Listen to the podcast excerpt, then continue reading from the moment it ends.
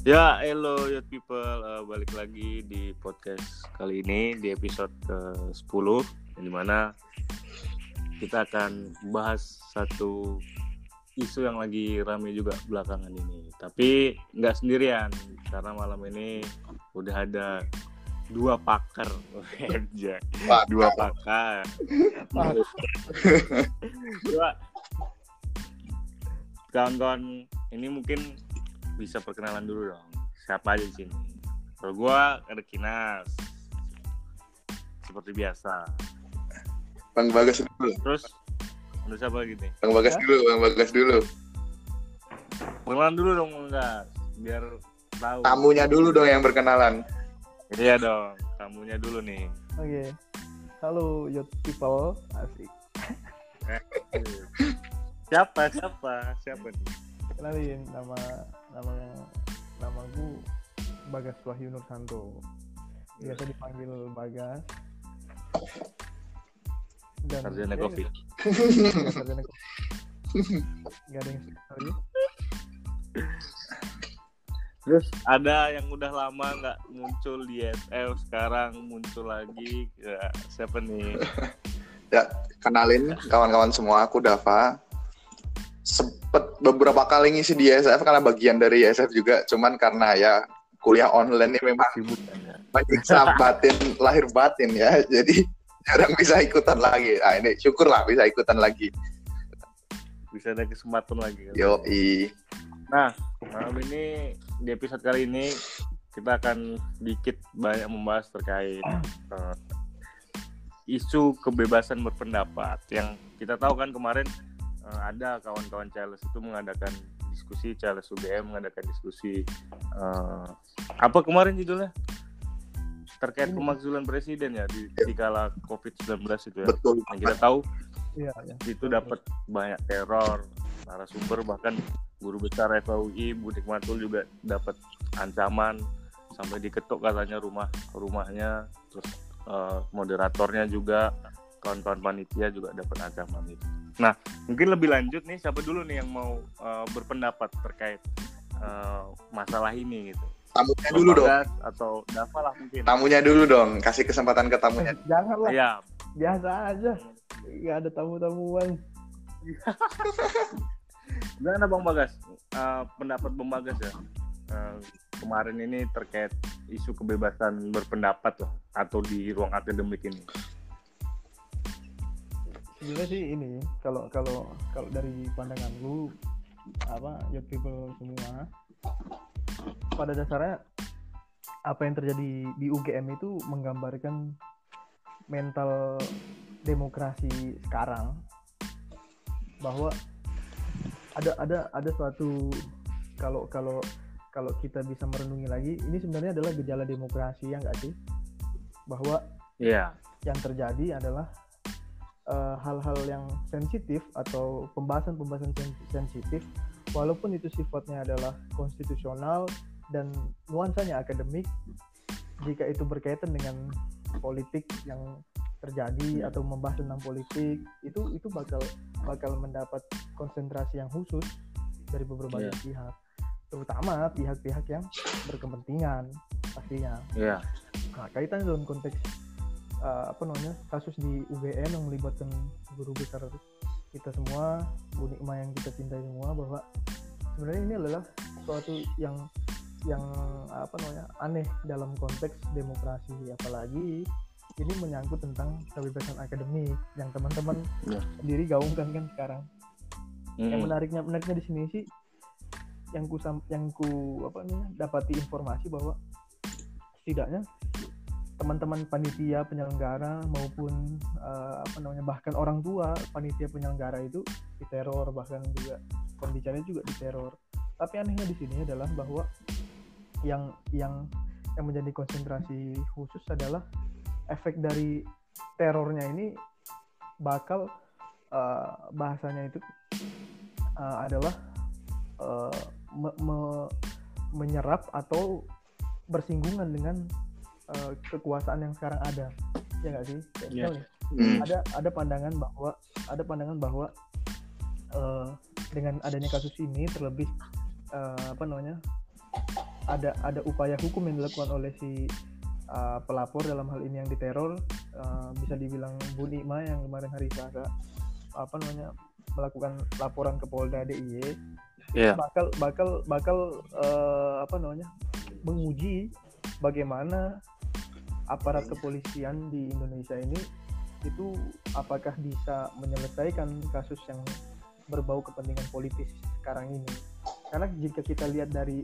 dari apa namanya pembahasannya diskusi ini sebenarnya tidak tidak ada masalah bahkan di Mm-mm. beberapa Betul. tahun sebelumnya pun banyak diskusi soal ini dan dan yang jadi masalah adalah ketika memang ini digaungkan lagi-lagi oleh uh, apa namanya pihak-pihak yang juga berkecimpung di dunia akademik ya nggak sih? Iya. Ini kan naik Kemarin ada dosen malah. ya, Dosen, provokator. tuduhan itu. dosen like tapi dosennya dosen fakultas teknik ya Tuh, Iya. kompetensinya dipertanyakan sebenarnya kok komen seperti itu dan justru malah memprovokasi itu loh. ah ini ini ini ini yang aneh makanya aku bilang gejala demokrasi bahwa yang seharusnya terjadi adalah bagaimana sikap mental masyarakat Indonesia menghadap apa namanya menerapkan demokrasi ini kayak misal yang terjadi Iya. eh, Prof siapa namanya Prof Bagas ya Udah namanya sama lagi Robo. Bagas, Bagas. Oh iya. Jangan itu Anda gitu loh. Oh. Iya, iya. ini nggak ada tab- ini ini ini nggak ada tabayun dulu loh ke penyelenggara bahkan secara Iya. secara terang-terangan apa namanya Mas Uceng atau uh, Zainal Arifin Mukhtar dosen UGM juga di Fakultas Hukum itu menyatakan bahwa dalam term of reference-nya itu di- disebutkan bahwa sebenarnya ini, ini ingin meluruskan apakah bisa tidak pemakzulan terhadap presiden di tengah pandemi ini. Iya. teman-teman UGM teman-teman diskusi tersebut ingin meluruskan bahwa sebenarnya tidak tidak tidak serta merta diskusi apa, apa pemakzulan presiden itu bisa dilakukan Nggak Bukan bisa ya. seperti itu. Itu itu sebenarnya diskusi ini untuk menjawab keresahan-keresahan masyarakat terhadap kan ini kan pasti di pandemi teman-teman ataupun masyarakat yang banyak susah itu kan eh, banyak sekali kan penghasilan yang berkurang, ekonomi yang berkurang. Mm-mm. Lantas yang di yang di yang dipertanyakan bagaimana kinerja pemerintah. Ada pandangan bahwa bagian bagian masyarakat berkata bahwa pemerintah gagal. Lantas kalau pemerintah gagal ganti saja pemimpinnya kan seperti itu. Nah Hmm, teman-teman hmm. ini diskusi itu untuk meluruskan sebenarnya nggak nggak seperti itu gitu loh. Nah dalam konteks Iya. ini oknum-oknum ini yang men- meneror bahkan apa namanya mengancam, uh, membunuh dan segala macam. Ini sebenarnya kalau kalau aku bilang gejala demokrasi yang menggambarkan mental masyarakat Indonesia. Buk, buk, saya sebut masyarakat ya, bukan bukan hanya pemerintah, tapi juga rakyatnya yang yang yang bisa bisa terjadi. Dan ini sebenarnya sudah sudah lama gejala demokrasi ini. Kayak misal ya di tengah masyarakat sebelum sebelum kasus ini, ini ini kita agak agak agak menjauh karena saya ingin menggambarkan lebih dahulu. Kayak misalnya Ya. di di tengah masyarakat itu kan waktu waktu apalagi waktu eh, pemilu itu kan paling banyak yang yang berkata bahwa saya pancasilais gitu ya nggak sih banyak Iya. sih yang, yang dengar Iya. nah sebenarnya itu adalah eh, apa namanya penerapan demokrasi yang tidak wajar dalam iklim demokrasi. Karena apa? Ketika dia berkata bahwa saya pancasilais dan ketika orang lain melakukan atau bertindak atau berkata yang tidak sesuai dengan dirinya maka orang tersebut itu tidak dikatakan pancasila ya nggak sih? Hmm. Nah, terus kalau kalau seperti itu di mana letak kebebasan dan uh, ruang demokrasi tadi? Nah, ini berka- ber- berkaca pada konteks ini, mungkin yang dilakukan oknum tersebut itu memikirkan yang, yang tadi saya sebutkan, gitu loh. Iya. Itu sih yang yang yang bisa ku lihat dari gambaran. Jadi kebebasan akademik itu jangan janganlah di, disempitkan da- jadi diskursus yang mengarah pada politik praktis sekarang. Iya. Gitu. Anehnya, anehnya memang nanti nanti coba kita bahas tentang makar ya, karena aku tertarik banget dengan makar ini. Yang Iya, karena memang eh, tuduhannya itu kan langsung Ah. ya, bahwa tuduh kalau diskusi itu kan ada gerakan makarnya gitu kan. Iya, dituduh Padahal sebagai gerakan makar. tuduhan itu, tuduhan makar itu serius kan sebenarnya itu kan, Bang. Iya, Satu hal yang serius gitu. serius memang. Nah, tapi mungkin sebelum ke situ eh, gimana dah pandangannya dah? menanggapi isu yang lagi rame ini kan. Hmm, Jadi juga memicu banyak gerakan-gerakan dari mahasiswa bahwa sebenarnya eh, pembungkaman ya atau sabotase terhadap kebebasan berpendapat itu nggak cuman pada saat ini ya, saat kasus di CLS saja, tapi sebelum-sebelumnya juga masih banyak gitu. Nah, gimana kalau Iya. dapat Kalau aku sih pengen memulai dari sebuah isu realitas kesehari-harian kita, bahwasanya aku sepakat banget sama apa yang disampaikan Bang Bagas. Sebenarnya sebenarnya ada ada masalah sih ini sama bagaimana demokrasi bertumbuh, hidup dan berkembang di masyarakat kita dan juga menelisik lebih jauh lagi soal kehidupan demokrasi yang ada di masyarakat kita ini juga sebenarnya aku pengen berangkat dari kurangnya budaya masyarakat kita untuk bisa mendengarkan terlebih dahulu dan juga kurangnya budaya kita untuk mencari, tahu sesuatu terlebih dahulu yaitu tabayun tadi. Kenapa? Karena memang kita nggak bisa pungkiri di suatu kehidupan yang berdemokrasi itu pasti ada perbedaan karena memang di situ letaknya kalau menurutku ya. Tapi di sini kita nggak ngomongin perbedaan mana yang baik dan buruk. Kita kita ngomong ini soal perbedaan saja. Maka dari itu ya aku menganggap wajar-wajar saja. Mes, apabila contoh kita pakai studi kasus yang kemarin diskusi CLS yang ada Prof Nikmah. Ada yang mungkin melihat wah ini kok kayak gini temanya. Ya menurutku itu wajar-wajar saja. Cuman yang menjadi nggak wajar itu apabila melakukan serangkaian kegiatan serangkaian perbuatan yang itu malah cenderung memprovokasi tanpa tahu substansi isinya dulu. Nah ini kan kita sama aja. Hmm. Pengen ngomong sesuatu tapi kita agak pengen dengerin orang dulu gitu loh bahkan Berarti ini ya, sebenarnya bisa kalau provokator lah ya. Iya, bahkan tadi kayak yang udah di kamu sampaikan. Nah, sebenarnya di tornya pun sudah menjelaskan, di term of reference sudah menjelaskan. Cuman kan orang nggak pengen tahu gitu loh. Asal ngejudge, Hmm. asal ngejudge. Misalkan kita ambil studi studi kasus yang lain.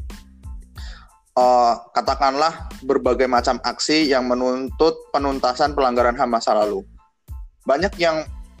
Memiliki pandangan bahwa mereka ini terlalu skeptis dengan pemerintah, tidak percaya dengan pemerintah, malah cenderung pengen menggulingkan pemerintah, kadang sampai kadang mereka sering dibubarkan juga kan.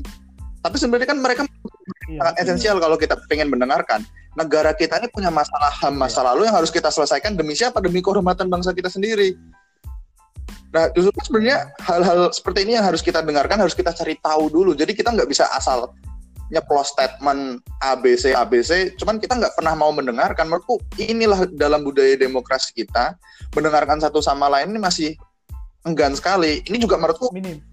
Ah, iya. ada ada yang salah juga di kita. Katakanlah, aku sih nggak bisa mungkiri. Kadang karena kita melihat banyak sekali tindakan-tindakan, terutamanya ya dari para penguasa, baik itu ada yang di bagian eksekutif legislatif mau- maupun di yudikatif yang tidak sesuai dengan idealis idealitanya, realitanya tidak sesuai dengan idealitanya. Kadang kita juga asal nyemprot gitu, asal apa ya, Iya. asal melontarkan kritik bola panas yang kadang juga bisa di Nggak bertanggung jawab. tidak bertanggung jawab dan bisa dikonter dengan mudah oleh pihak yang berkaitan. Ini karena kita Ah, pikiran kita terlalu panas gitu loh. Kita nggak mau mendinginkan pikiran, kita nggak mau mendengarkan apa yang dimaksud, sehingga pada saat kita melontarkan kritik yang niatnya pun ingin mengkritik secara esensial, jatuhnya kita cuma kritik-kritik basi dan bisa dikonter dengan sangat mudah oleh orang yang dikritik karena kita nggak mau mendengarkan. Jadi kritik kita jatuhnya nggak substansial, tapi kritik kita jatuhnya cuma kritik-kritik formalitas saja. Inilah yang menurutku harus kita segera benahi karena kita tahu bahwasanya nggak semua masyarakat Indonesia itu memiliki pemikiran selainnya orang-orang yang bisa mendapatkan pengalaman lebih terjun di dunia nyata maupun yang memiliki Ya. pendidikan lebih. Itu kita nggak bisa pungkiri. Cuman kan ini peran orang-orang yang memiliki pendidikan seperti kita. Aku pengen mencoba menggambarkan kayak yang ada di novelnya Pram yang tetralogi Pulau Buru, bagaimana seorang Minke yang mendapatkan pendidikan lebih pun dia akhirnya tahu bahwa dia harus bergerak karena banyak orang nggak punya pendidikan dan dia adalah salah satu orang yang punya dia punya tanggung jawab. Nah, menurut punya Nah, privilege uh, ya buat dapat menurutku pendidikan. inilah saatnya orang-orang yang punya pendidikan itu harusnya mau mendinginkan pikiran, mendengarkan, dan kita cobalah, ayo. Kita mengarah kepada demokrasi yang lebih baik dengan mendengarkan lebih dingin dan kita sampaikan jika memang ada kritik yang harus disampaikan sampaikan. Tapi kita harus menyampaikan kritik yang substansial. Inilah menurutku yang Ah, mungkin belum Iya. terlalu ya belum terlalu ada di kita. Bahkan kita bisa ngelihat sendiri realitanya bahkan yang memprovokasi pun dosen kan S3 loh. Kalau aku nggak salah lihat itu S3 loh. Kalau kita ngomongin soal gelar formalitas pendidikan harusnya dia lebih jauh tinggi daripada ba- kebanyakan orang yang ada di luar sana tapi nyatanya ada kesalahan pola pikir di situ.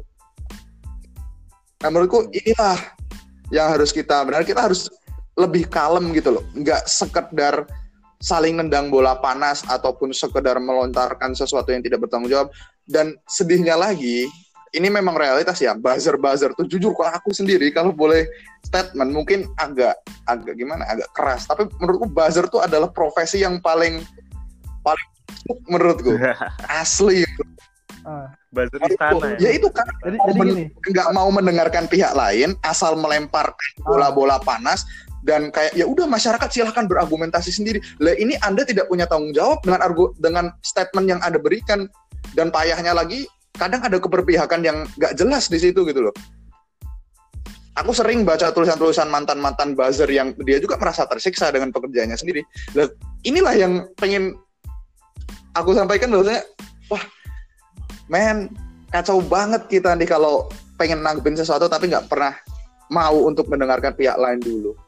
Itu kalau dari aku sih mungkin. ya menarik nih Kalau menurutmu gimana, Nas? lo bang Makas Kalau menurutmu gimana coba? ya kalau menurutku pribadi ya memang kalau kita samakan lah konteksnya dengan kejadian-kejadian ini kan bukan kejadian yang Yo, i bener banget, lah ya. bukan pertama. gitu kan seakan-akan setiap setiap yang namanya diskusi atau eh,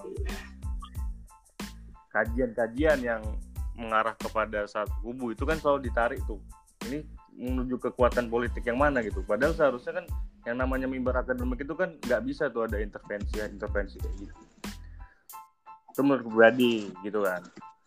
Nah mungkin selanjutnya bahas nih kita terkait. Mungkin bang bagas tadi mau menyampaikan tuh kan terkait. Sebenarnya terkait makar. Sebenarnya tuduhan tuduhan makar itu tuduhan yang gimana menurut bang bagas? Karena kan masa kita setiap kita mengadakan eh, diskusi atau ada kajian yang itu kan ke diskusi ilmiah ya secara konstitusi kan kita tahu lah pemakzulan dan segala macam itu kan juga eh, sudah disediakan gitu mekanisme secara konstitusi gitu. Nah, gimana kalau bang bagas pandangannya?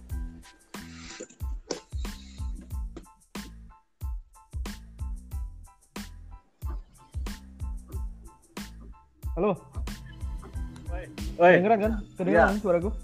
Kedengeran kedengeran Ah, jadi gini apa namanya aku nih mau memulai dulu dengan dengan ini dengan dengan pandangan terlebih dahulu apa merefleksikan sebenarnya ruang-ruang ataupun kehidupan kita nih ini apakah kita nih sedang dalam masa demokrasi atau enggak sih ya nggak sih Hmm. Nah, aku nih menarik juga pendapat Prof. Supeki ini.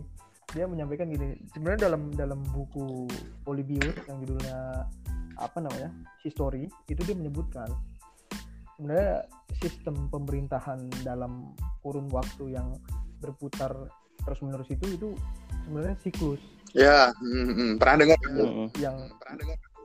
yang yang yang yang terdiri dari setidaknya ada enam siklus. Siklus pertama itu adalah monarki yang jelas kedudukan kehidupan itu ditentukan oleh satu penguasa yang sifatnya adalah eh, apa namanya bulat tidak bisa diganggu gugat. Terus yang kedua ada tirani. Nah, tirani ini yang yang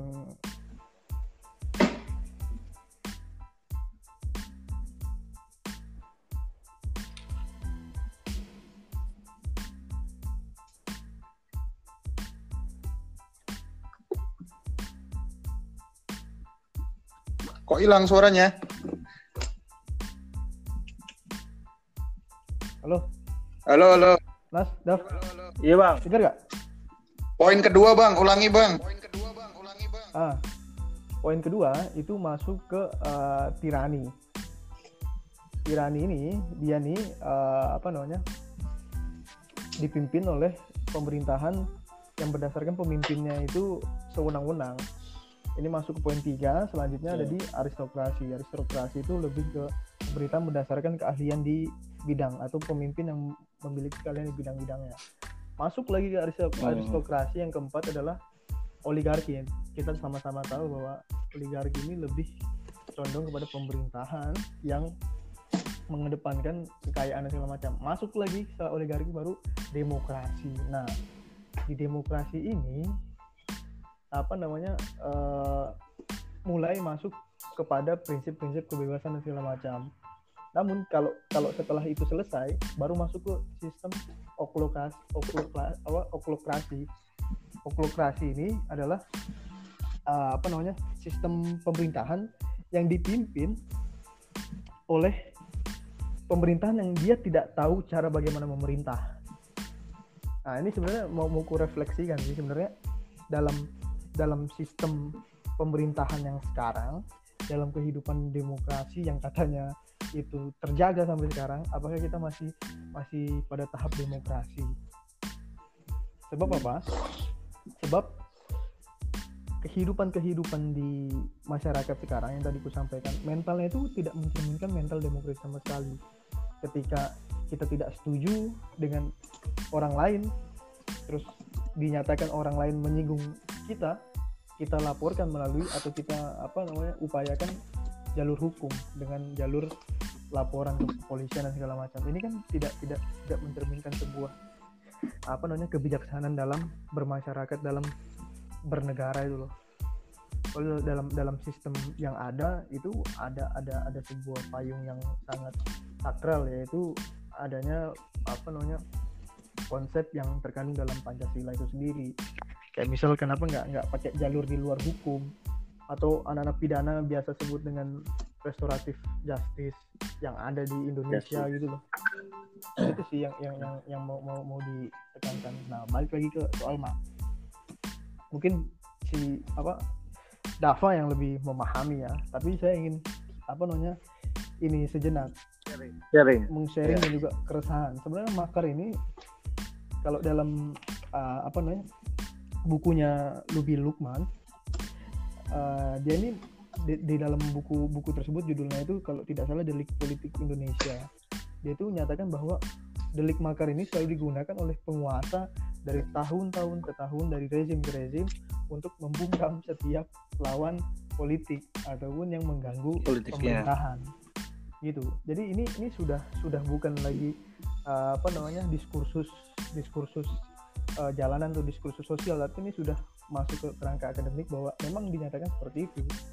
Dalam politik hukumnya yeah. pun seperti itu. Kayak misal dalam apa namanya dari tahun 46 itu sudah dimulai undang-undang 2046 kemudian lanjut undang-undang 11 uh, maaf penetapan presiden 1163 kemudian undang-undang 569 sampai dengan terakhir undang-undang 26 tahun 99 itu juga juga masih punya nuansa-nuansa yang seperti itu. Nah balik lagi ke soal makar yang ada di KUHP sekarang. Ini ini aku nih ingin ingin menyampaikan keresahanku nih. Mana delik delik delik ataupun bunyi KUHP di pasal 224 ini khususnya pasal 224 ini ya itu sebenarnya mengganggu banget demokrasi. Gimana gimana nggak mengganggu ketika delik tersebut dibunyi apa namanya dinyatakan bahwa uh, makar itu bisa dengan cara menggulingkan atau mengambil alih pemerintah yang sah. Padahal mengambil alih pemerintahan yang sah itu dijamin oleh konstitusi. Ya nggak sih? Yeah. tepatnya di, yeah. di, di di pasal 7A dan 7B ini kan sebenarnya mengganggu demokrasi di mana di pasal 7A di demokrasi di undang-undang dasar juga disebut presiden bisa kok diberhentikan. Nah jika nanti jika nanti ini uh, apa namanya di yang masa yang akan datang di pemerintahan yang akan datang eh di pemerintahan. Di apa namanya sistem bukan sistem sih iklim politik yang akan datang. Ketika nanti oposisi yang lebih besar maka semua oposisi itu bisa dikatakan makar ya Iya. Ketika nanti oposisi ini, oposisi ini itu itu itu menyatakan bahwa ada ada kebijakan-kebijakan dari pemerintah yang tidak sesuai dengan uh, apa namanya konstitusi, melanggar uh, konstitusi di mana seperti misal presiden melakukan uh, apa namanya penghinaan terhadap negara atau korupsi atau apa namanya uh, penyucian uh, uang atau segala macam yang itu mengarah kepada pemberhentian mekanisme ber, ber, ber, bermulainya atau dimulainya impeachment terhadap presiden. Maka si oposisi ini nanti itu bakal ditindak atau di apa nama uh, kena pasal tentang makar. Ini kan ini menjadi ironis gitu. Untungnya sekarang, untungnya koalisi sekarang ini koalisi yang obesitas Ya. gitu. di Ya, gendut ya. di mana sangat. di mana Sangat. di mana peran dari legislatif tidak ada sama, sama sekali mengenai pengawasan. Ya Justru sih? Pengawasan berkolab- nggak ada. Bahkan kehilangan fungsi pengawasan itu. Kenapa kalau kalau seperti itu kita hilangkan aja dalam konstitusi pengawasan tidak ada sekalian ya nggak sih? Kalau mau seperti itu nanggung nanggung ya nggak sih? Ini berbicara berbicara positivistik, berbicara tentang eh, apa namanya penerapan eh, DPR dalam dalam kewenangannya. Tapi sebenarnya kalau kalau merujuk lagi ke lebih ke lebih jauh, sebenarnya ini ini ini ini juga masuk dalam skema skripsiku sih bahwa ada ada ada ketidakjelasan dalam sistem presidensial sekarang. Dalam sistem presidensial kan dalam dalam teorinya itu itu selalu menempatkan antara bidang-bidang kekuasaan itu secara pasti atau ada pemisahan kekuasaan di dalamnya. Ya nggak sih? Namun Ya. dalam sistem presidensial Indonesia itu tidak tidak ada pembatasan kekuasaan yang jelas. Justru ada pembagian kekuasaan di sana. Sama seperti parlementer. Nah, ini ini ini rasa-rasa presidensial tapi penerapan parlementer kalau aku bilang. Karena apa? Karena pembagian kekuasaan yang masuk misalnya presiden bisa membuat undang-undang. Eksekutif bisa membuat undang-undang. Dalam sistem presidensial yang murni, yang yang betul-betul apa? kaidah uh, positivistik, kaidah bukan positivistik sih, kaidah uh, teoritis itu ditempatkan oleh legislatif seharusnya. Tapi ini tidak. Makanya ini jadi presiden buat kebijakan-kebijakan pemerintah ke depan gitu loh bahwa kita bisa kok buat undang-undang, kita bisa kok buat undang-undang walaupun dalam penerapannya dalam konstitusi juga ditempatkan bahwa bersama dengan legislatif. Nah, ini Ya. sih kalau dalam dalam kerangka politik hukum, kerangka latar belakang ini terjadi karena memang ini proses peralihan dari orde baru yang kita tahu bahwa orde baru itu lebih mengarah kepada uh, apa namanya satu kekuasaan tunggal yaitu di tangan eksekutif atau presiden. Nah pertanyaan sekarang untuk mengatasi iklim demokrasi yang ada bisa tidak kita menggunakan jalur yang lebih konstitusional lagi dengan cara ini berubah konstitusi kalau menurut ini udah terlalu Iya. terlalu jauh dan terlalu tidak tidak sesuai dengan dengan apa namanya penerapan yang sekarang gitu loh itu Ya. sih yang yang yang mau aku sampaikan bahkan juga uh, apa namanya dalam dalam hal dalam hal pengaturan negara misal dari pendapat Andre Heywood konstitusionalitas konstitusionali- konstitusionalisme itu diartikan adalah ada batas penyelenggaraan negara yang dibatasi oleh konstitusi atau undang-undang dasar sebagai inti negara hukum.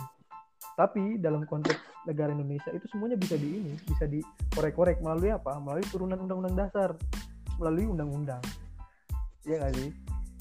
Jadi semua orang menganggap bahwa ini demokrasi, tapi kalau menurut ini udah kebablasan sih. Jadi semua orang berkata kita nih berdemokratis, apa negara demokratis, berbasis negara hukum, tapi kita sendiri nggak tahu demokrasi itu seperti apa. Penafsiran semua isinya. Jadi nggak ada yang meng- mengalah